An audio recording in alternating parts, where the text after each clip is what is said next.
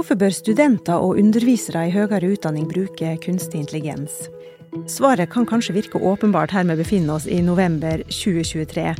To av de som har tenkt spesielt mye på det, er gjester i dagens episode.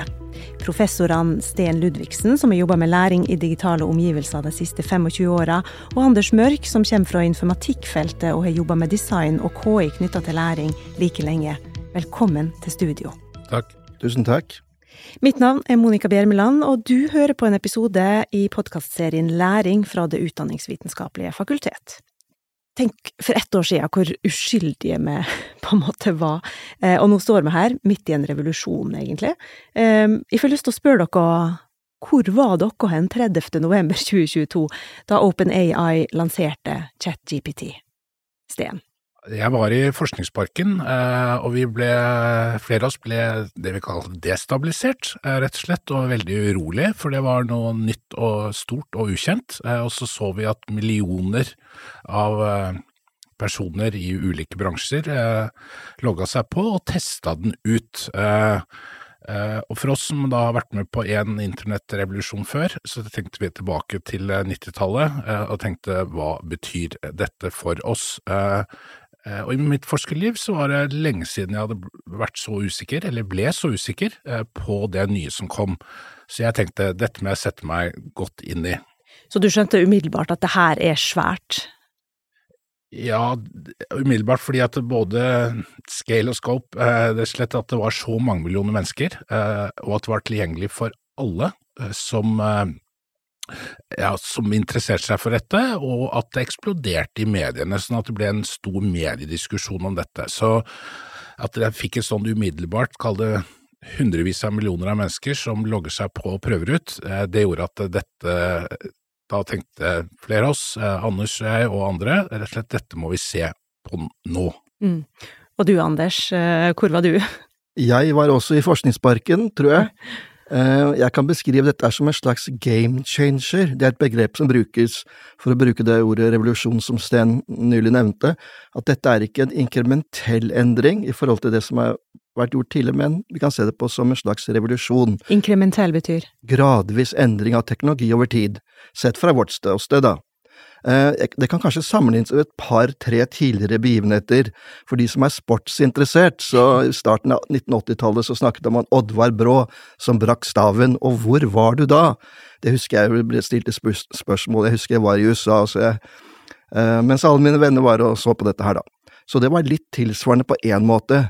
Men et par andre ting som er kanskje enda mer nærliggende å sammenligne med, det er når internettet kom på midten av 1990-tallet og kanskje når smarttelefonen kom i midten av 2000-tallet. Dette var to store revolusjoner som har endret mye av det vi driver, driver med i dag. Men vi visste ikke helt hvor vi skulle gå med vår forskning på den tiden. Det tok noen år. Mm. Og her står vi igjen i en lignende situasjon. Kan dere ikke først si noen Fortell hvem, hvem er dere faglig? Hvilken erfaring har dere med dette feltet gjennom de siste ti åra? Vil du begynne, Sten? Ja, Bodansja var en del av utvikling av et tverrfaglig senter på Universitetet i Oslo fra sent 90-tall og i grunnen fram til nå. Der har vi sett på hvordan læring og undervisning kan organiseres når du tar i bruk digitale ressurser. Og digitale ressurser er et ord som vi er veldig opptatt av, fordi det endrer betingelsene for hva elever og studenter skal lære seg. Dette har vi holdt på med lenge, og vi har holdt på med at det er som vi ofte kaller for dynamiske eller interaktive læringsomgivelser men ofte i liten skala. Så derfor, så når vi får ChatGPT, som blir da en veldig sånn storskala omgivelse, så endrer det læringsbetingelsene veldig betydelig, tror vi, og så må vi begynne undersøke det systematisk i de årene som kommer. Mm. Og du, Anders? Kunstig intelligens har vært et av mine forskningsområder over mange år. Si at hvis jeg deler min karriere inn i to deler, så vil jeg si at jeg har vært 20 år informatiker, og 20 år utdanningsforsker.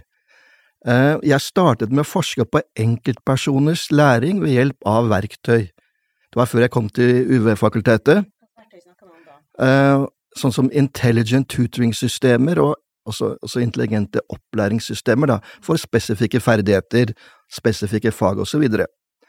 Um, senere, når jeg kom til UV, så beveget jeg meg vekk fra enkeltpersonens fokus til å fokusere på gruppers læring ved hjelp av verktøy tilsvarende, men andre typer verktøy, samarbeidsverktøy osv. Uh, KI, kunstig intelligens, har også utviklet seg i den retningen, så nå, kom, nå er det veldig aktuelt for oss å, å trekke KI inn i vår forskning igjen, for å se det som en ny aktør i gruppers samarbeid og læring. Og KI blir også integrert med ulike typer verktøy, og det er jeg spesielt interessert, for det er noe jeg har vært interessert i hele min forskerkarriere. Mm. Men da lurer jeg på, hvis vi spoler tilbake igjen et år nå, vi står her i slutten av november, månedsskiftet november-desember, denne nye teknologien er akkurat lansert. Hva skjer etterpå, hva gjør dere med det her i desember-januar, eh, Sten? Kaster du det over det? Ja, vi kasta oss eh, over det og prøvde det ut, eh, og fant ut at eh, dette var et veldig sterkt type verktøy, som Anders kaller det, og at det var en god venn og en svikefull venn på samme tid. For den var også både veldig presis, overraskende presis, på ulike typer av søk som vi gjorde, eller ledetekster, eller prompt, som er et ord som ofte blir brukt nå. Og samtidig som den var altså forbausende upresis og unøyaktig. Så denne tvetydigheten, eller ambivalensen, om at det både er eh, bra og dårlig på samme tid, eh, skapte jo eh, for oss eh, en betydelig forvirring som vi måtte gå nærmere inn i. Eh, og vi antok at for studenter så vil dette da bli veldig komplisert å håndtere. Mm. Vi skal grave litt i det, Sten, men bare for ordens skyld, for de som kanskje ikke har prøvd denne tjenesten ennå, kan du ikke bare beskrive hva ChatGPT er, kort? Det er en veldig enk, enk, enkel tjeneste. Du logger deg på, eh, og så kan du rett og slett begynne å stille spørsmål og føre samtaler med den. Eh, så det er jo en lang tradisjon eh, innenfor kunstig intelligensforskning at man kan ha den type samtaler. Så den har en, en blanding av muntlighet og skriftlighet i seg, som gjør at den er veldig enkel og tilforlatelig å bruke. Mm. Og hva er det vi snakker med, egentlig? Ja, Vi snakker med en eh, enormt stor språkmodell eh, som har, eh, om man sier at den har 175 billioner parametere, det er et tall som vi ikke kan forholde oss til å forstå. Så vi mener jo at underliggende sett så er dette umulig for oss å forstå hva den egentlig gjør, bortsett fra at vi liker å kalle det for en beregningsmaskin, som er en veldig god statistiker, basert på det som ofte kalles for stokastisk statistikk. Mm. Og når du da går i gang og skal liksom sette det inn i det her, da vil jeg tro at du går til forskninga, til litteraturen. Eh, hva var det du fant sånn umiddelbart om, om den teknologien her? Det første vi fant var at det var publisert eh, veldig lite altså kall det aktuelle artikler, men i sånne gråsonearkiver så finnes det en god del, så de henta vi opp. Eh, det kom raskt noen nye bøker, de kommer ofte fra England og USA i litt sånn populærversjoner, eh, og det kom også i Norge. Eh, så da var det bare å laste det opp, fylle poser og sekk og reise på hytta og bli, prøve å bli litt klokere gjennom julen. Og hvor lenge måtte du bli på hytta? Ja, jeg måtte være der 14 dager før jeg hadde fått fotfeste igjen. Eh, så det var en eh, interessant opplevelse når man har vært forsker lenge, at man plutselig må liksom resette seg en, eh, med det nye som skjer rundt den, og det tror jeg vi har veldig godt av. Nettopp. Og Anders, jo, måtte du gjøre det samme, fylle 30-literssekken med bøker, gå på hytta? Jeg gjorde ikke det. Jeg så tenkte litt på KI, hvordan det er en del av edtech historien vi har vært gjennom, de siste 50–60 årene kanskje. Og eh, hvis jeg kunne tegne dette her, så ville det vært en kurve som går opp og ned, men gradvis oppover. Så KI har hatt nedturer, og den har hatt oppturer. Man snakker om AI-vintre, for eksempel, der ting ikke fungerte, og de hadde ikke noen nye innovasjoner å komme med, til oppturer som vi ser med for eksempel ChatGPT nylig. AI-vinter har jeg ikke hørt om før, har du, har du et eksempel? AI-vinter er et sånn amerikansk begrep, og det skjedde spesielt på eh, Så Etter man hadde utviklet det som kalles for ekspertsystemet på 1980-tallet, så lagde man blant annet eh, systemet for medisin, for for eksempel leger til å hjelpe dem med å få finne diagnoser på symptomer, men av og til så skjedde det feil, at pasienter fikk feil behandling, og det hadde store katastrofer, selvfølgelig. Mm. Og etter det så var det en lengre periode på grunn av juridiske ting og så videre at AI ble ikke tatt i bruk på en lengre periode. Men i parallell, og litt senere, så ble det også fokusert på domener slik som sjakkspilling og spille Go, og laget uh, KI-systemer som kunne slå de beste spillerne innenfor de domenene. Så var det en opptur. Det er vel riktig å si at uh, kunstig intelligens-feltet har hatt en tendens, spesielt den kommersielle delen av det, til å overselge hva dette kan gjøre. Uh, og det har vi sett gjennom historien, at man sier at uh, og i dag sier enkelte aktører i den kommersielle bransjen, den kommersielle bransjen at de kan løse alle problemer. Det er jo rett og slett et utsagn som det er umulig å forstå. Så Derfor så blir det viktig for oss forskere å gå nøye inn i det og se hva er dette faktisk kan brukes til som er produktivt for enten det er elever eller studenter, eller det er i andre bransjer ute i privat eller offentlig sektor. Mm. Og dit kommer vi snart, men du Anders hadde en kommentar? Jeg vil gjerne følge opp litt. Rann.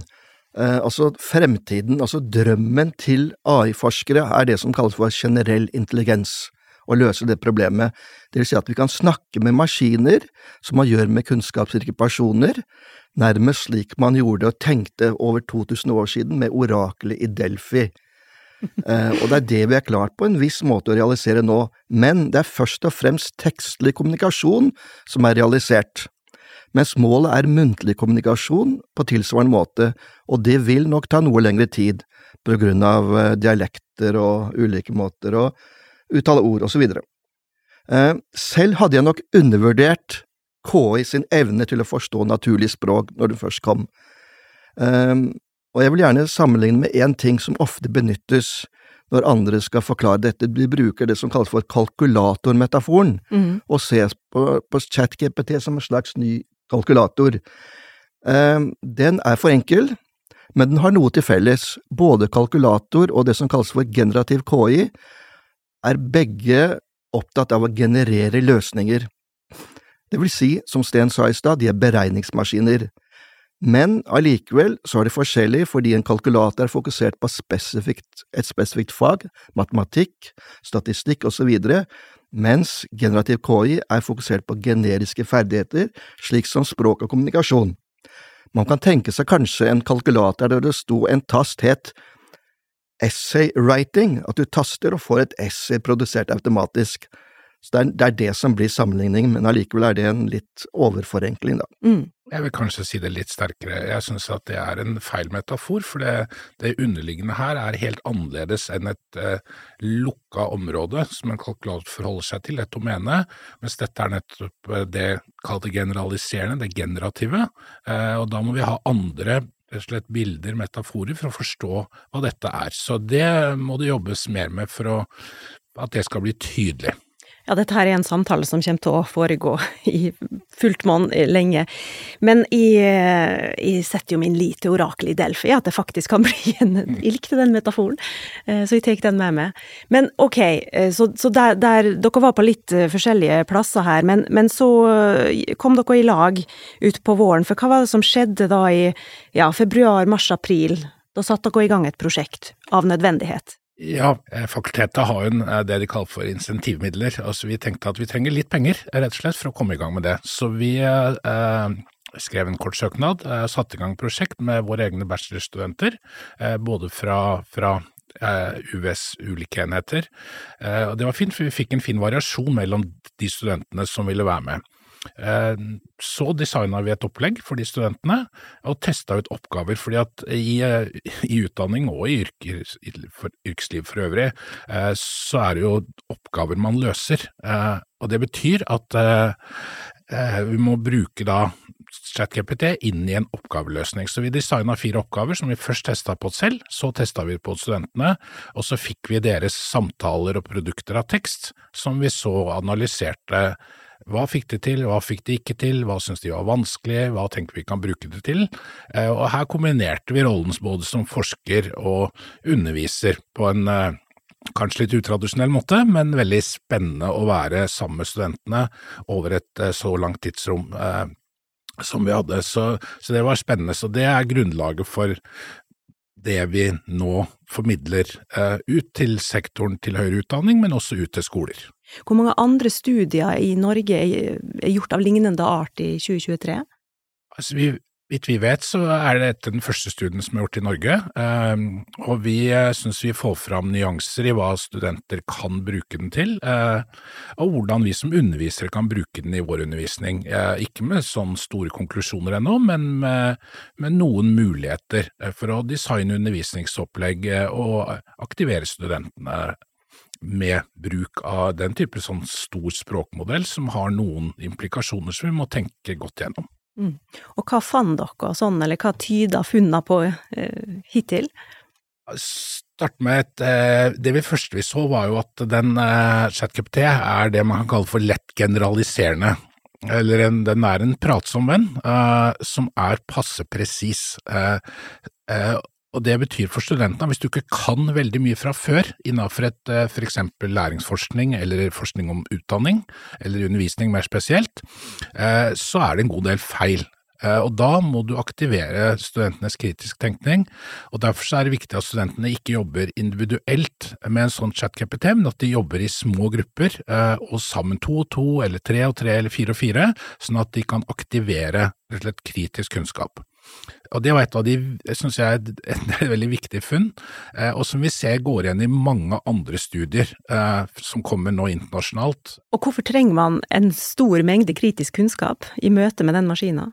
Eh, jo, fordi at den maskinen er genuint også upresis, eh, og når man kommer til fagområder eh, som vi så på undervisning og læring, så kan den en del generelt sett, men når du går presist inn, og spør eh, spesifikke spørsmål gjennom det vi kaller for prompt design eller ledtekster, eh, så greier den ikke å svare eh, presist nok, men den svarer, og da må du som student rett og slett vurdere hva du får ut. Eh, og her har man nå, ikke i utdanningsforskning, men i andre typer studier som er gjort internasjonalt, ser man at de deltakerne, yrkesutøvere eller studenter som greier å være kritisk, de får bedre prestasjon sin. Eh, de som er ukritiske, eh, de kan du si at de får en svekka prestasjon. Så kritisk tenkning kommer inn nå i fagene på en veldig konkret og på en veldig produktiv og god måte, og det syns vi er kjempespennende. Mm.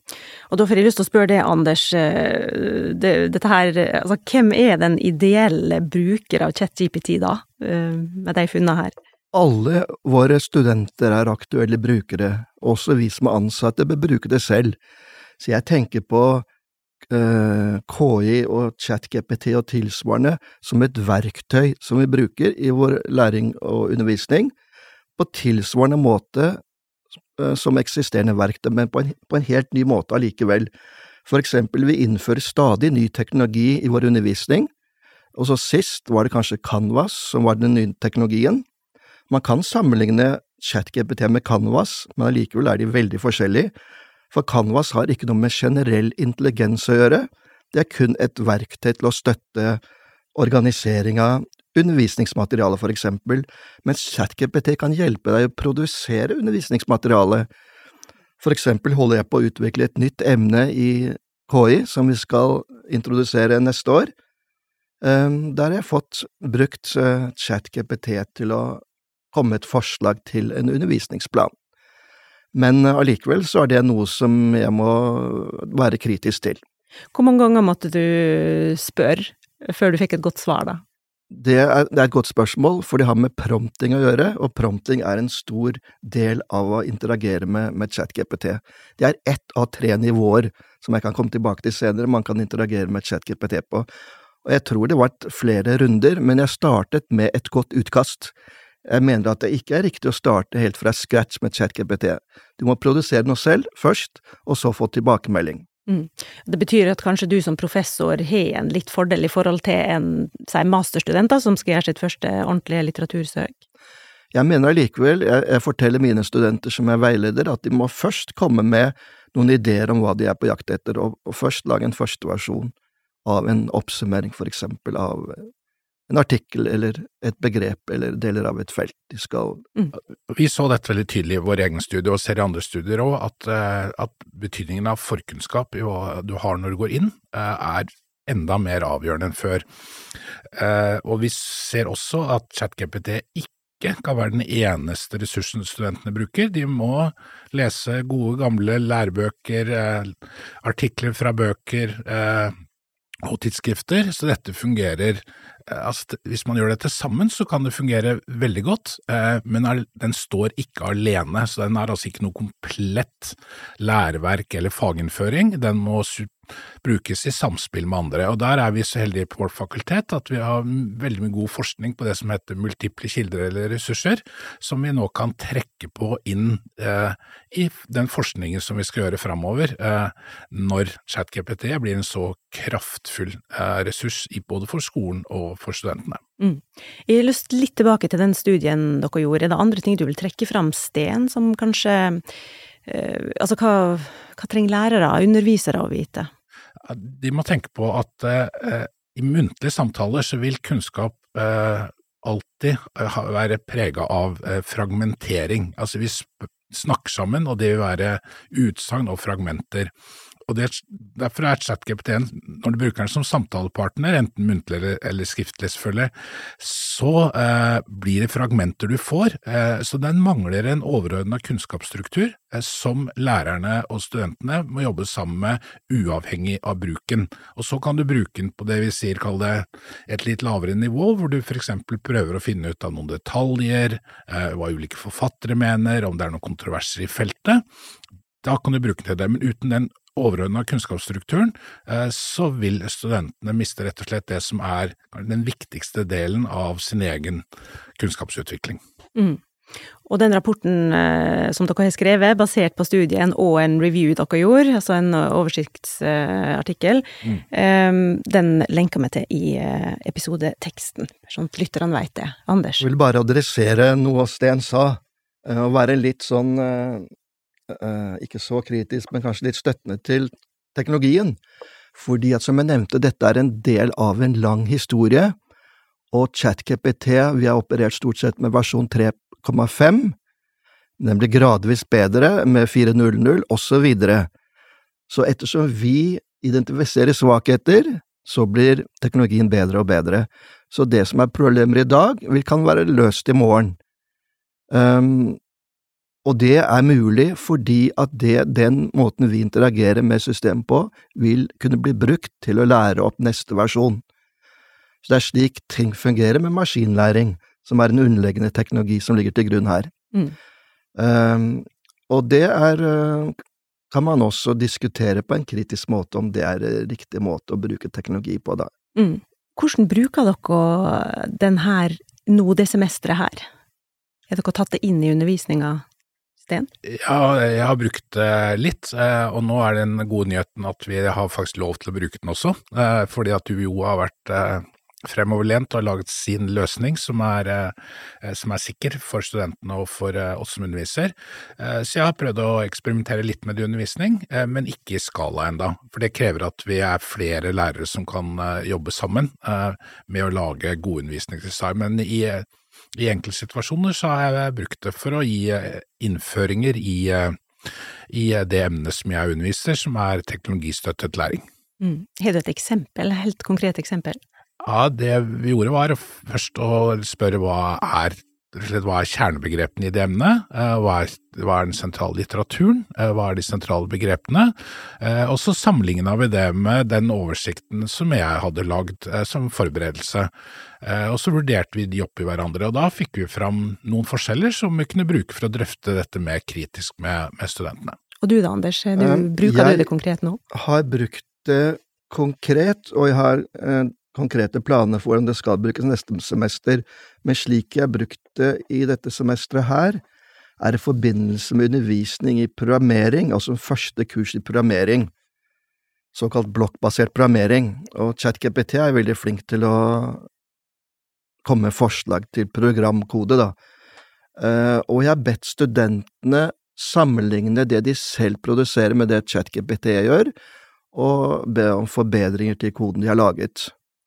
Så det er én måte, og så har jeg også spurt studentene i andre emner om de bruker ChatGPT eller ikke, og da vet jeg ikke om de svarer ærlig eller ikke, for de fleste sier at de bruker ikke ChatGPT, så jeg, litt, jeg vet ikke om det er tilfellet. Vi har et par tilfeller der vi har tydelig funnet ut at noen studenter har brukt denne teknologien til å skrive tekster, fordi teksten er skrevet på en slik måte at det er veldig tydelig at det ikke er studentene som har skrevet den, da. Mm. Um, når det gjelder neste semester, så jeg holder på å utvikle et kurs som heter PED 4503, uh, innenfor dette masterprogrammet vårt som heter Kommunikasjon, design og læring, som er en del av PED-master. Pedagogikk, da. Pedagogikkmaster, ja. Og der uh, holder vi på nå, og med kolleger Sten og andre, hvordan å prøve å integrere, lage et, et prosjektarbeid, da. Og da har jeg noen ideer om hvordan for eksempel studentene kan uh, komme frem til ulike måter å integrere for eksempel denne standardløsningen knyttet til spesifikke teknologier som vi er interessert i, i forbindelse med teknologi i arbeidslivet, i, eh, i kunst og innenfor undervisning, som er de tre anvendelsesområdene vi ser på teknologistøttet læring. Um, så det, det, blir spennende. Mm. Det, er jo, det, er jo, et stort eksperiment vi driver med hele gjengen nå, ikke sant. Um, hvis vi hever blikket litt, altså hvilke dilemmaer og utfordringer står sektoren som sådan uh, overfor når det gjelder den uh, teknologien her? Det er en stor utfordring for sektoren. Både for skolen og for uh, universitets- og høyskolesektoren så møter jo vi en teknologi som er ekstremt kraftfull. Eh, og vårt samfunnsmandat er, jo å se på kunnskapsutvikling eh, der språk er helt sentralt. Eh, og når vi da får en enorm språkmodell som både kan støtte elever og studenters arbeid, men òg overta og automatisere tenkning, altså det intellektuelle arbeidet, så må vi virkelig tenke veldig godt igjennom hva vi bruker disse store språkmodellene til.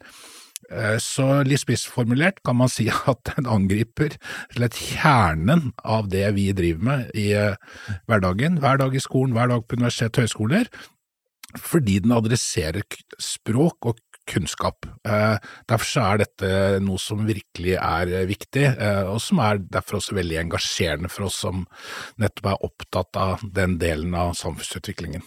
Mm. Hvilke utfordringer ser du, Anders? Hva gjorde vi etter at Brå brakk staven. Ja, det lurer jeg jo på. Du var i USA, du kom hjem kanskje?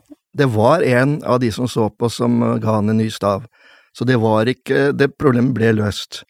Han kom inn på en god plassering, tror jeg også. Men hva gjorde vi etter internett ble introdusert på starten og midten av 90-tallet? Hva gjorde vi etter smarttelefonene kom med iPhone på midten av 2000-tallet? Vi som er forskere, hadde en periode av uvisshet. Vi visste ikke helt hva vi skulle gjøre, skulle vi fortsette den gamle måten vi forsket på, eller skulle vi gå inn på nye arenaer?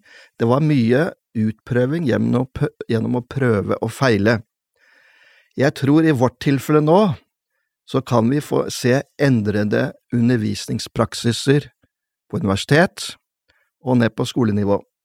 Kanskje også endrede utdanningsinstitusjoner, knyttet knyttet nettopp til skolens utfordringer. Så Sten nevnte dette med den på den ene siden enorme mengden med kunnskap som barna og studentene skal lære, som har kommet enda nærmere oss nå. Vi må finne nye balanser. For å bruke et, par begreper fra eh, teoretikere som folk på fakultetene kjenner godt, Hegel og Piaget. Hegel snakket om tese, antitese og syntese. Piaget snakket om tension og equilibration, å finne tilbake til likevekten. Jeg ser det nå en antitese, vi må skape en ny syntese. Eh, og det, vi er en sånn, eh, vi er ikke et likevekt per i dag. Mm. Og det må vi alle være med å skape. Sten, du eh, leda i 2015 den offentlige utredninga Framtidas skole. Hva ville du skrevet i rapporten i dag? Ja, vi ville opplagt hatt noen eh, tilleggsavsnitt eh, om, eh, om, den teknologiske utviklingen. Eh, eh, men for meg så betyr det bare at jeg ville forsterka ytterligere eh, arbeidet som elever og lærere må gjøre i skolen. Eh, for det er faktisk sånn at det er den kognitive anstrengelsen og gode samtaler som over tid er det som driver læringen og utviklingen og progresjonen framover. Eh, men vi ville nok adressert eh, store språkmodeller på en annen måte enn det vi beskrev om teknologi. Og så er det én ting som, til som er viktig ved det, og den internasjonale litteraturen som nå begynner å komme, om hvordan man skal eh, ta i bruk eh, ta i bruk ChatGPT eller generativ eh, kunstig intelligens i skolesystemet. Eh, de aller fleste sier at det skal ikke være eget fag, men det skal inn i fagene og brukes. Og det ville vi helt sikkert skrevet, for det skrev vi allerede for ti år siden, at teknologi i seg selv er ikke det som er mest avgjørende. For noen elever og studenter, ja, men for de aller fleste så må det brukes i fagene og integreres. Og det, så det ville vært et argument nå, men det ville nok blitt noen sider ekstra i forhold til det vi skrev. Mm, det er det mer politiske. Men aller, eh, aller sist dere, jeg tenker at det fortsatt å sitte en del rådville og overvelda undervisere rundt omkring i landet, og lærere. Eh, Hvilke råd eh, vil dere gi til de som fortsatt sitter på, på gjerdet her, har lyst til å, å, komme i gang, bruke det, bli gode rådgivere for elevene og studentene sine, men som ikke har turt ennå. Jeg kan komme med tre råd. Bra. Først, bli kjent med det temaet du trenger å lære om, før du spør ChatGPT. To, be dem om flere ulike svar på samme tema, du kan be dem regenerere svaret, som du kritisk evaluerer og sammenligner. Og så til slutt, tre, som er det mest avanserte, da kommer jeg tilbake til det jeg sa om disse tre nivåene tidligere, bruk det på metanivå for å prøve å forstå hvordan ChatGPT tenker, ved å endre dem på tre ulike nivåer. Det første nivået er pre-prompting, og du setter den i en spesiell konfigurasjon. Og det andre er opplæring med nye datasett og integrert med nye teknologier, for eksempel knyttet til spesifikke domener, og det tredje, mest avanserte, er å lage nye algoritmer for spesifikke fagområder. Det er for viderekommende? Ja, det er for viderekommende, men vi må gradvis bevege oss nedover, for hvis vi ikke klarer å forstå ChatGPT, som i seg selv er komplisert, så vil den kunne få mye større betydning enn det vi ønsker. Det noterer jeg meg. Sten, råd? Ja, det er vi kan ha flere råd på dette, men først så må man eh, anerkjenne at dette er en beregningsmaskin. Eh, den tenker ikke eh, i menneskelig forstand. Så det betyr at den er basert på sannsynligheter, og det må hvis alle elever og studenter og lærere liksom tenker at det er grunnpremissen som, start, som vi kan starte arbeidet med. og da ville jeg gjort tre ganske enkle ting. Jeg ville laget team av lærere Eh, som kan jobbe sammen, eh, fordi det er komplisert rett og slett å lage nye undervisningsopplegg og design. Eh, så ville jeg liksom testa ut, som også som Anders har gjort, litt ulike typer av design.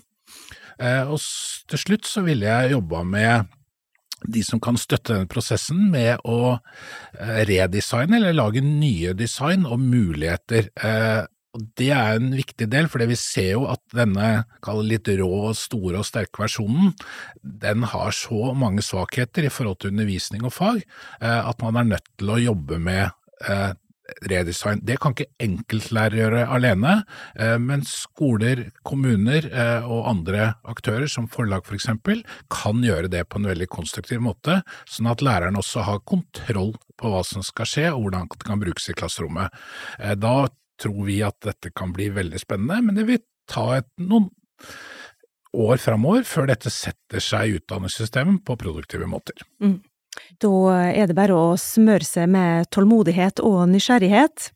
Tusen takk til professorene Anders Mørk og Sten Ludvigsen ved Institutt for pedagogikk her ved Universitetet i Oslo.